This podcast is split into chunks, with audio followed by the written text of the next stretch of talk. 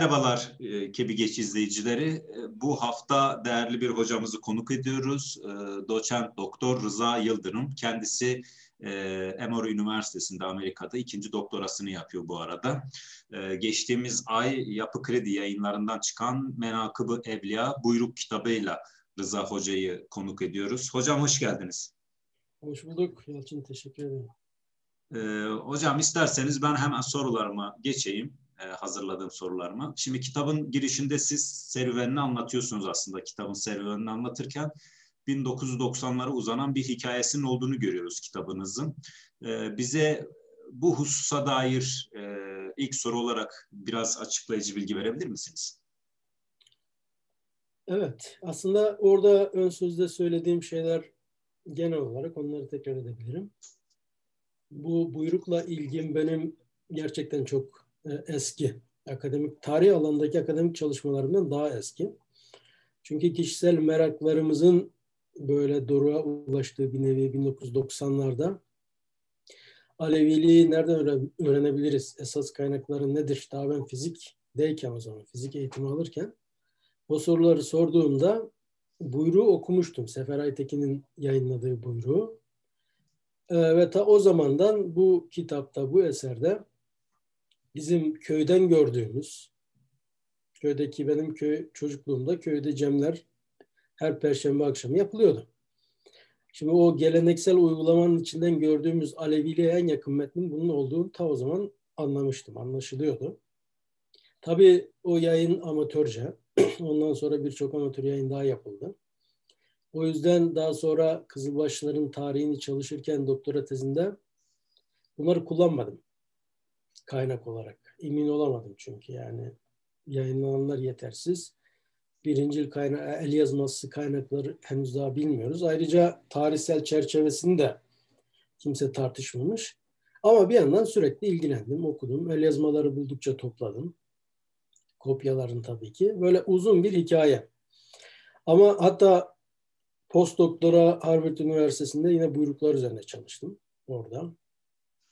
O dönemlerde gördüğüm buyruk nüshaların hepsi farklı farklı içerikte olduğu için el yazmalarından bahsediyorum. Yayınlananlar da öyledir. Bunların bir edisyon kritiğini yapmak imkansız diye düşünüyordum o zaman. Çünkü elinizde her bir metin kendine has bir ayrı dünya. Birbirinin kopyası değil bunlar. Dolayısıyla buyruğa bir e, bir kitap olarak değil de bir janr, bir yazım türü olarak yaklaşmak gerektiği kanaati vardı ki hala bu doğru belli oranda. Fakat zaman içerisinde topladığım nüshaların arasında belli bir öbeğin, bir damarın olduğunu fark etmeye başladım. İşte bunlardan bizzat çalıştığım bu kitap hazırlarken 11 nüsha var. Ama daha fazlasında olduğunu biliyorum. Ben ulaşamadım ama referanslardan aynı içerikte olduğu üç aşağı yukarı anlaşılıyor. Bu nereden baksanız 15, 16, 17, 20'ye kadar belki gidebilir. Nüshası olan böyle bir damar var. Şimdi ben bu damar üzerine yoğunlaştım ve bu damar gerçekten bir metnin kopyası olduğu için hepsi bunun edisyon kritiği mümkün idi. Ve nitekim onu yapmış oldum. Böyle kısaca özetleyebiliriz. Peki hocam siz Kızılbaşlık Hareketi'nin doğuşunu Bektaşilikten farklı olarak 15. ve 16. yüzyıl ile temellendiriyorsunuz. Bu açıdan günümüze değin yoğun bir çalışma konusu olmayan Kızılbaşlı'nın temel eserlerinden biri olarak buyruğa da özel bir önem ve vurguda bulunuyorsunuz. Ee, bu minval üzerinden gittiğimizde buyruk ve diğer Kızılbaş metinlerine yoğunlaşıldığında ortaya nasıl bir tablo çıkıyor? Evet. Şimdi Alevilik çalışmalarını, modern Alevilik çalışmalarını şöyle e, kavramlara bir bakacak olursak, bu biliyorsunuz ilk başta Alevi Bektaşi diye başladı. Artık bu çok eleştiriliyor. Yani bunu kullanan çok da az kaldı sanıyorum. Alevi Bektaşi yani ikisinin de aynı şey olduğunu varsayan bir yaklaşım. Artık Alevilikle Bektaşiliğin ayrı kulvarlarda yürüyen iki ayrı gelenek olduğu anlaşıldı. E, bunların kökleri veya e, erken safahatlarında bir kesişme olmasına itirazım yok benim. Yani 15. yüzyıl öncesinde aynı muhitlerden türemiş olması, aynı e, zümrelere uzanması bunların erken dönemlerinde mümkün. Hatta öyle olduğunu söyleyebiliriz. Fakat e, bu iki geleneğin kurumsallaşması, örgütlenmesi ve bir cemaat olarak her bakımdan tanımlanabilir hale gelmesi her ikisi de aslında 15. yüzyılın sonları ve 16. yüzyılda gerçekleşiyor. Ve işte bu iki ayrı hikaye. Bunun altını çizmek istiyorum ben. Yani zaten Aleviliğin doğuşu ve Bektaşiliğin doğuşu diye iki tane ayrı kitap var. Evet hocam. Bunları okuduğunuzda iki ayrı, onlar bir de özellikle de aynı isim koydum ki yani bu iki tane ayrı damar var, iki ayrı yol var, iki ayrı hikaye var. Bunları görmemiz lazım. 15. yüzyıldan itibaren Kızılbaşlık damarında olan şey yol ve erkanın şekillenmesi, oluşması yani. Yoksa Kızılbaş inançlarının yani Kızılbaş Alevi inançlarının 15. yüzyıl sonlarında ortaya çıktığını söylemiyoruz. İnançlar, itikada dair unsurlar yani o Alevi, Ehli Beyt'i merkeze koyan, Ali'yi merkeze koyan inanç unsurları çok daha erkene gidiyor. Onların izini sürebiliyoruz. Ama yol ve erken diye ifade edilen örgütlenme biçimleri, dini toplumsal kurumlar, ritüeller ve bu ritüellerin toplumsal örgütlenmeyle örtüşmesi bütün bu sistem her ikisinde de hem Bektaşilikte hem de Alevilikte 16. yüzyılın başından itibaren ortaya çıkıyor. Bunu izleyebiliyoruz. Orada Kızılbaş cenahına baktığımız zaman Kızılbaş tarafına o tarafın ana kaynağı şüphesiz buyruk. Yani bu buyruk hem bir tarih kaynağı hem de bir e, inanç ve ibadet kaynağı Kızılbaşlar için. Zaten hali hazırda herkes en azından isim olarak buyruğun Aleviliğin temel kitabı olduğunu biliyor. Yani bunu tekrar ispat etmeye ihtiyacımız yok.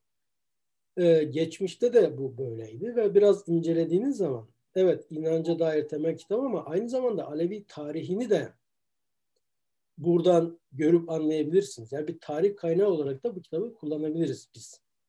Öyle bakmak lazım. Buyrukla ilişkili başka birçok el yazması kaynak da var. Yani bu aslında bir dünya. Henüz daha girilmemiş, keşfedilmemiş. Ama bir an önce keşfedilmesi gereken dünya. Ee, ön sözde işaret etmek istediğim şey de şuydu.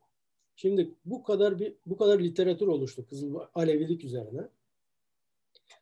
Bu literatürde Aleviliğe dair e, Aleviliğin ne olduğu, Alevilerin neye inandığı, hangi kurumlarla örgütlendiği vesaire gibi yani bu içeriğine dair, o terimin içini doldurmaya dair soruların tamamının cevabını bugüne kadar biz hep Alevilik, Alevi toplumunun dışında üretilmiş kaynaklar üzerinden verdik. Yani kalenderilik, e, vefailik, Bektaşi bütün bunlar bu kadar çok etkili olması bunların tarihçilerin bu zümrelerin ürettiği ve bir de tabii Osmanlı Devleti'nin ürettiği kaynaklar var. Bu kaynaklar üzerinden Aleviliği anlamak ve tanımlamaya çalışması. Böyle olunca tabii büyük bir yanlışlık ortaya çıkıyor. Elimizde bizim şimdi iyice anlaşıldı ki bu toplumun bizzat bu toplumun bizzat kendisinin ürettiği zengin bir külliyat var. Ha, bunun merkezinde buyruk var. Ama başka birçok el yazması daha var. Şimdi bunları okudukça gerçekten bu dünyanın kendi inançları, kendi ibadetleri ve kendi kurumları, mesela musahiplik gibi, dedelik gibi, ocak gibi, kurumları, düşkünlük gibi bunları bizatihi kendi gözlerinden görebiliyoruz artık. O açıdan hem buyruk hem de e, buyrukla ilişkili diğer el yazmaları çok çok önemli. Ben biraz bu kitabı hazırlarken bol bol alıntı yaptım. Buyrukların yani bu menakıb evliyanın içinde yer aldığı mecmualardan ki bu mecmualar adı üstünde mecmua içinde başka birçok risale de var her birinin. O risalelerden uzun uzun alıntı yaptım ki okuyucu görsün, bir, en azından tadına varsın. Hmm, böyle şeyler varmış. Yani bunlardan bahseden bir sürü demek ki kaynaklar varmış diye ee, bunun üzerine daha fazla gitmemiz lazım. Yani bu alanı daha fazla deşelememiz lazım ki kendi öz kaynaklarından bu toplumu anlamaya çalışalım. Evet hocam, yani Kızılbaşlık ile Bektaşiliğin aynı kaynaklar üzerinden okunması modern araştırmalarda ciddi bir problem ifade ettiğiniz gibi. Peki hocam buyruk üzerinden giderken e, acaba buyruğun nasıl bir metin olduğunu, nasıl bir kitap olduğunu, nasıl kutsal bir kitap olduğunu ve ne hakkında bilgi verdiğine dair e, bizi izleyenleri ve okurunuzu biraz bilgilendirir misiniz? Şimdi öncelikle bunu bir kere görmemiz lazım. Bu dinamik bir metin hatta bir metin ailesi. Buyruk dediğimiz zaman biz bir janra işaret ediyoruz. Metin ailesi. Ve bu metin grubu bir toplumun temel inançları ve uygulamalarıyla birebir ilişkili olduğu için o toplumun e, bu söz konusu inanç ve uygulamalardaki değişimleriyle koşut olarak değişiyor. Dolayısıyla o yüzden zaten bu kadar elimizde farklı farklı buyruk nüshaları var bugün itibariyle. Şimdi bir kere bu zenginliği görmemiz lazım. Yani birçok buyruk nüshası var ve bu bunların temaları, konuları, ele aldığı mevzular üç aşağı beş yukarı aynı. Ama her birisi içinde üretildiği toplumun ihtiyaçlarına göre nüanslarda, detaylarda değişebiliyor. Bir kere bunu bir görmemiz lazım. Metnin kendi içinde kendisinin bir tarihi var dolayısıyla. Ve bir noktadan sonra metinlere dönüşmesi ve birçok metin olarak e, tarihinden söz ediyoruz. Peki e, bunlar neler? Nasıl bakabiliriz? Buyruk yayınlarına baktığımız zaman modern dönemde buyruk, ilk buyruk işte e, biraz önce bahsettiğimiz Sefer Aytekin yayınlıyor. 1950. Hatta ondan önce e, Arapçaya tercüme ederek şebekler arasında bulunan bir buyruk var ki aynı Menal Bevliya metninin bir kısmı. İlk önce o yayınlanmış. Hem Türkçesini hem Arapçasını Irak'ta yayınlamışlar. Arkasından Sefer Aytekin'in yayını geliyor. Ve arkasından birçok böyle amatör yayın. Ay Yıldız yayınlarından, Can yayınlarından filan çok sayıda. Yani bunların hepsini saymak bile zor şu anda. Bunların özelliği kullandıkları el yazmalarını hiç anlatmamaları, hiç tanıtmamaları, nasıl bir metotla okuduklarını hiç söylememeleri ve okumalarda hatayı geçtim, çarpıtma diyebileceğimiz müdahalelerin de olduğu zaten seziliyor. Şimdi, dolayısıyla bu, bu grup buyruk yazmalarını akademik olarak ciddi almak mümkün değil. Alevi, yakın dönem Alevi tarihi açısından çok önemli bir veridir bunlar. Çalışılması lazım. Yani bu hangi ihtiyaca binaen böyle bir furya çıktı? 1958'den itibaren. Niye bu kadar? Sadece buyruk da değil. Başka birçok el yazması yayınlandı. Yine ama maalesef amatörce. Bak, içinde çok değerli bilgiler var. Fakat kullanamıyorsun. Çünkü e, işçilik çok zayıf. e, farklı açılardan bunlar çok değerli metinler olarak çalışılabilir.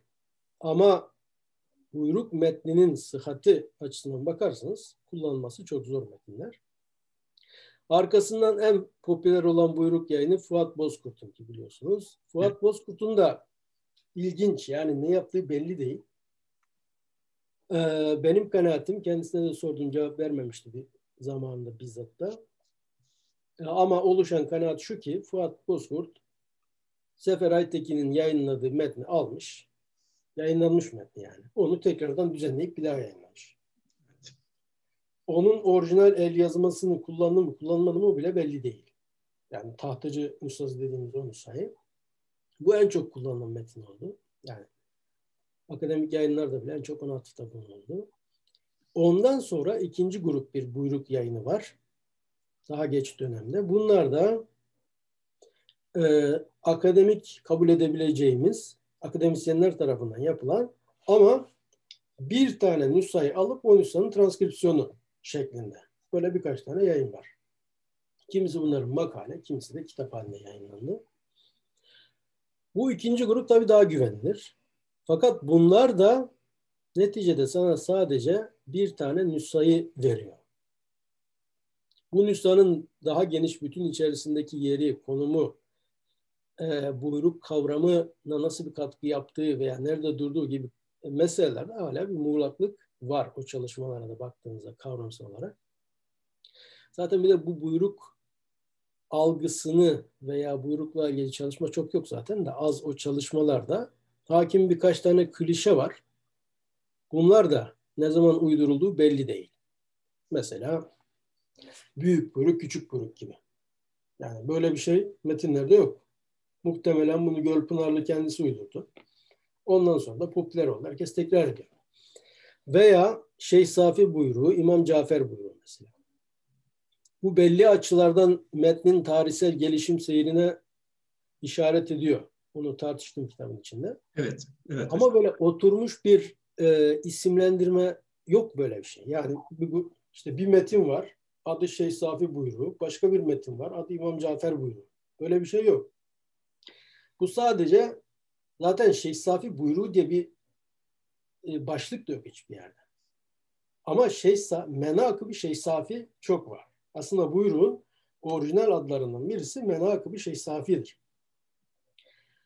E, bu isimlendirme ile ilgili curcuna var. Şimdi bu yerleşmiş olan Şeyh Safi buyruğu ve Şeyh e, işte İmam Cafer buyruğu bunun da bir tamamen reddedilmemekle beraber bir gözden geçirmek lazım. Bunun tarihsel arka planına bakmak lazım. Neye işaret ediyor? Bununla ilgili uzun tartışmalar var kitapta.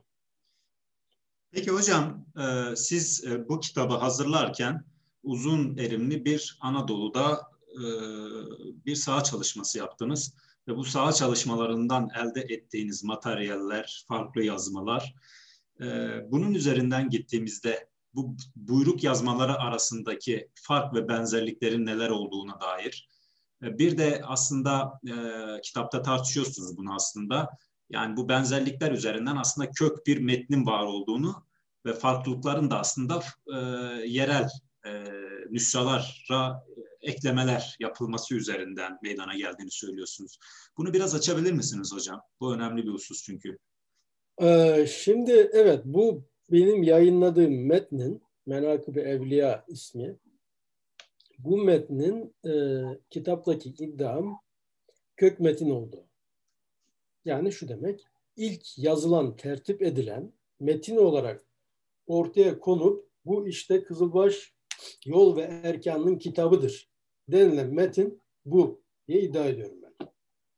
Şöyle bir ihtimal var yalnız hala. Bu bizim Anadolu'da izini sürebildiğimiz en erken en kök metin. Fakat Kızılbaşlığın merkezi 16. yüzyılda İran'da. Anadolu'da değil. Yani Halifetül Hulefa orada, Şah orada, Mürşidi Kamil orada. Dolayısıyla şöyle bir ihtimal olabilir. Bunu hala bir kenarda tutuyorum ben saklı. Bundan daha mükemmel bir metin veya bununla aynı metin. Ee, İran'da Halifetül Hulefa makamında bulunması lazım. Bunlar neticede oradan geliyorlar. Şimdi o metnin yok. İran'da bu tür böyle bir şey henüz keşfedilemedi. Belki ileride bulunabilir bilmiyoruz ama ihtimalde biraz düşük. Ee, öyle olunca o soru işaretini oraya bırakıp geçiyorum ben. Anadolu'dan devam edersek Anadolu'da en erken metin budur. Benim iddiam bu. Aslında manuskriptlerin yani el yazmalarının istinsaf kopyası olarak baktığımızda bunun içeriğinden daha farklı içeriğe sahip olan bir metin var. 1612 idi sanıyorum tarihi. Elimizdeki materyal olarak mevcut bulunan en erken buyruk nüshası o aslında. Ama işte kitapta detaylı, detaylarıyla tartıştım. İçeriklerini incelediğin zaman o eserin bu metinden alıntılarla dolu olduğu, bu metinden ve biraz fütüvet geleneğinden, biraz Bektaşi geleneğinden alarak ve karma bir metin oluşturulduğu görülüyor. Dolayısıyla elimizde el yazması olmasa da yani fiziksel olarak bir met, e, el yazması olmasa da bu metnin daha erken olduğunu ortaya koyabiliyoruz. Bu metin e, Safevi hanedanı var olduğu sürece yani 16 ve 17. yüzyılda Kızılbaş dünyasında ana referans metin olarak devam etmiş. Böyle gözüküyor.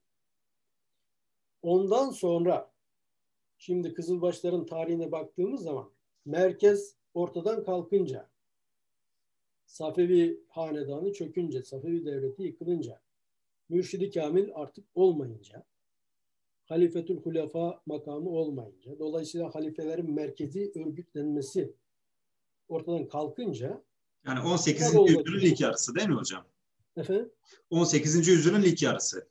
Evet, 1722-23-30 arasında bu hanedanın e, ortadan veya çöktüğü, Safevi Devleti'nin yıkıldığını kabul edersek, e, son Şah Hüseyin de bu işlerle zaten uzak artık baya baya müteşerri bir hal almış. Yani 17. yüzyılın sonlarında artık İran'da çok popüler, Kızılbaşlı'nın hiç popülaritesi kalmamış artık. Dolayısıyla 200 yıl diyebiliriz. 16-17. yüzyıl. 18'den itibaren Kızılbaşlar artık İran o kadar ciddi bir merkez olmaktan çıkıyor. Nitekim sonra fiil olarak ortadan kalkıyor. Ondan sonra bu Anadolu'daki Kızılbaşlar işte ocaklar etrafında daha ademi merkeziyetçi bir yapıyla varlıklarını devam ettiriyor. Ocaklar orada önem kazanıyor bence. Bir kısmı bunlar işte bu dönemde tam olarak e, Bektaşi merkeziyle ilişki kurmaya, özellikle Batı Anadolu'daki ocaklar ve Hacı Bektaş ailesi tek, e, tarikatı da değil. Yani Babagen kolu Bektaşi tarikatıyla değil Çelebi ailesiyle bir ilişki kuruyorlar. Ve bu ilişki zaman içerisinde bir al, e, manevi otorite ilişkisine dönüşüyor. O, o hikayeyi de ayrıca biliyoruz. İşte bu dönemde yani merkezin artık ortadan kalktığı dönemde ademi merkeziyetçi bir yapının Kızılbaş dünyasında ortaya çıktığı dönemde metinlerde de farklılaşmalar ve çoğullaşma karşımıza çıkıyor. İşte oradan kaldı. Bu farklı farklı içerikleri olan, birbirinin kopyası olmayan, aynı konulardan bahseden ama farklı şekilde bahseden birçok buyruk metni anlaşılıyor ki bu dönemde yazılmış, üretilmiş. Ve bu da anlaşılabilir bir şey. Çünkü pratikler yerel e, şartlara göre değişebiliyor detaylarda. Onları ifade eden metinler karşımıza çıkıyor. Bu ikinci grup işte janr. Yani burada bir metin alıp bu merkezi metindir demek çok zor. Ha bu dönemde de daha önce bu Menakıb-ı Evliya daha önce yazılmış ve merkezi tek metin olmuş olan Menakıb-ı Evliya ana bir referans kaynağı olarak varlığını sürdürmüş. Yani diğer metinlerin hepsi yerel pratiklere göre e, detaylanırken yine de bundan çok faydalanılmış ana referans olarak buradaki şeyler korunmuş. Tabii şeyler gözleyebiliyorsunuz. Yani bunların hepsi ayrı araştırma konuları. Çok e, heyecan verici. Mesela Bektaşilere yaklaştıkça bazı konular böyle tartışılmaya başlıyor. Buyrukların içine girmeye başlıyor. Normalde olmayan. Örneğin şimdi Kızılbaş Yol ve Erkanı tamamen e, soy sop üzerine kurulu, müsahiplik üzerine kurulu, dedelik üzerine, ocak üzerine kurulu bir yol ve erken. Bekarlık burada hiç iyi bir şey değil. Zaten bekar olgun kabul edilmiyor. Yani senin toplum içerisinde belli seviyenin üzerinde olgun kabul edilebilmen için, belli ritüellere girmen için zaten evlilik şartı var. Böyle bir sosyo-kültürel dünyanın e, ürünüdür Kızılbaş Yol ve Erkanı. Halbuki Bektaşi dünyasında Babagen kolunda evet, mücerretlik. E, mücerretlik diye bir kurum var değil mi? Yani onu övüyor. On, mücerret herkesin yapamayacağı bir şey. En üst kademe. Şimdi burada iki, bir zihniyet farkı var. Çok ciddi bir bakış açısı farkı var. Bunun metinlere girdiğini görüyorsun. Yani mücerretlik tartışmalarının vesaire gibi. Şimdi o belli ki e, Bektaşi'den daha fazla etkilenen veya Bektaşilerle daha fazla içli dışlı olan Alevi gruplarında, Kızılbaş gruplarında bu tartışmalar zuhur etmiş, metinlere yansımış. E baş, mesela tahtacı e, Alevileri arasında onlara has bazı farklı uygulamaların yine buyruğa yansıdığını görüyoruz tahtacı buyruğuna. Bu çoğullaşma, çoğulculaşma veya farklılaşma dönemi biraz Kızılbaş toplumunun da merkezi e, hiyerarşik yapısını kaybettiği, adem merkeziyetçi bir yapıya büründüğü döneme tekabül. Peki hocam zaten aslında e, satır aralarında söylüyorsunuz. E, çalışmanız e, hakikaten farklı yazmaları e, göz önünde bulundurarak e, çok iyi bir analiz oluşturmuşsunuz. Bu açıdan e, son olarak sorarsam siz çalışmanızın önemini ve ayrıcalığını e, nasıl değerlendirirsiniz? Ne söylersiniz? Yani bu çalışmanın önemi ve ayrıcalığı diğer çalışmalara nazaran budur diye sorsam. Ee, şimdi öncelikle ya buyruk, diğer buyruk çalışmalarını kastediyorsunuz. Evet, evet, evet, evet hocam. Ee, bu bir kere edisyon kritik metin hazırlamak buyrukta. Daha önceki çalışmalarda edisyon kritik metin yok. Bir istisna e, diyebileceğimiz aslında Doğan Kaplan'ın yayınladığı bir metin var. Evet. Göl Pınarlı'nın üç nüshasını kullanmış. Bir de e, özel bir nüsha kullanmış ama on, ondan hiç şey yok yani. E, onu koymamış da sadece kullandığını söylüyor. E, bu böyle bir nevi edisyon kritik sayılabilir. Çünkü o üç metnin birini esas alıyor. Diğerlerine ona bakarak farklılıklarını gösteriyor. Onu da ben kendi metnimi hazırladıktan epey sonra fark ettim. Böyle bir yayın olduğunu açıkçası. Onun dışındakiler dediğim gibi ya e, çok amatör, kaynağın ne olduğu bilinmeyen, kaynakla ilişkisinin nasıl kurulduğu hiç bilinmeyen, yani güvenilmesi mümkün olmayan yayınlar var. Ya da bir metnin alıp transkript edilmesinden ibaret yayınlar var. E, bu bir. Yani ana bir metin, ana bir e, metin öbeği yahut da bir damar olduğunu keşfetmek ve o damarın üzerine gidip onun yayınını yapmak bence bu kitabın bir özelliği bu. Ve bunu iddia etmek. Yani böyle bir şey var. Hatta bu ilk oluşan metin iddiasıyla ortaya çıkıp sonra o metnin izini sürüp onun kopyalarını bulup sonra onları bir araya getirip bir kere metni inşa etmek. Bu önemli. Yani elinizdeki metnin neye işaret ettiğini, ne zaman yazıldığını, hangi tarihsel süreçte ortaya çıktığını ortaya koymak çok önemli ki o metni ona göre anlamlandıracağız, anlayacağız. Şimdi bunu ilk defa yaptım bu kitapta. Ee, ikincisi arka planını tartışmak. Tamam elimizde bir metin var. 11 tane el yazması var. Bunları aldınız. Bir araya getirdiniz. Güzel kritik. Ki bu çok çok çetrefilli ve çok meşakkatli bir iş. Yani ben de şimdi başıma gelince anladım. Çok yorucu bir şey. Bu da işi, bununla da iş bitmiyor. Tamam elimizde ama bu metin nedir? Bu hangi toplumsal bağlam içerisinde oturuyor? Hangi tarihsel bağlam içerisinde oturuyor? Ve ne, ne anlam ifade ediyor? Bu ya gerçekten çok özel bir metin olduğu için Menakıb-ı Evliya tamamen Kızılbaş Yol ve Erken'in jargonlarını taşıyor içinde. O bütünün bağlamın içerisinde bunu değerlendirmezseniz hiç anlayamazsınız. Mesela örnek metinde bol miktarda şey var. Dergah-ı aliye atıf var. Diyor ki dergaha eğer diyor bir musahip dergah-ı aliye gelir burada mücavir olursa onun musahibi ne yapacak? Köyündeki. Bu dergah hali neresi? Nedir yani bu kurum nedir?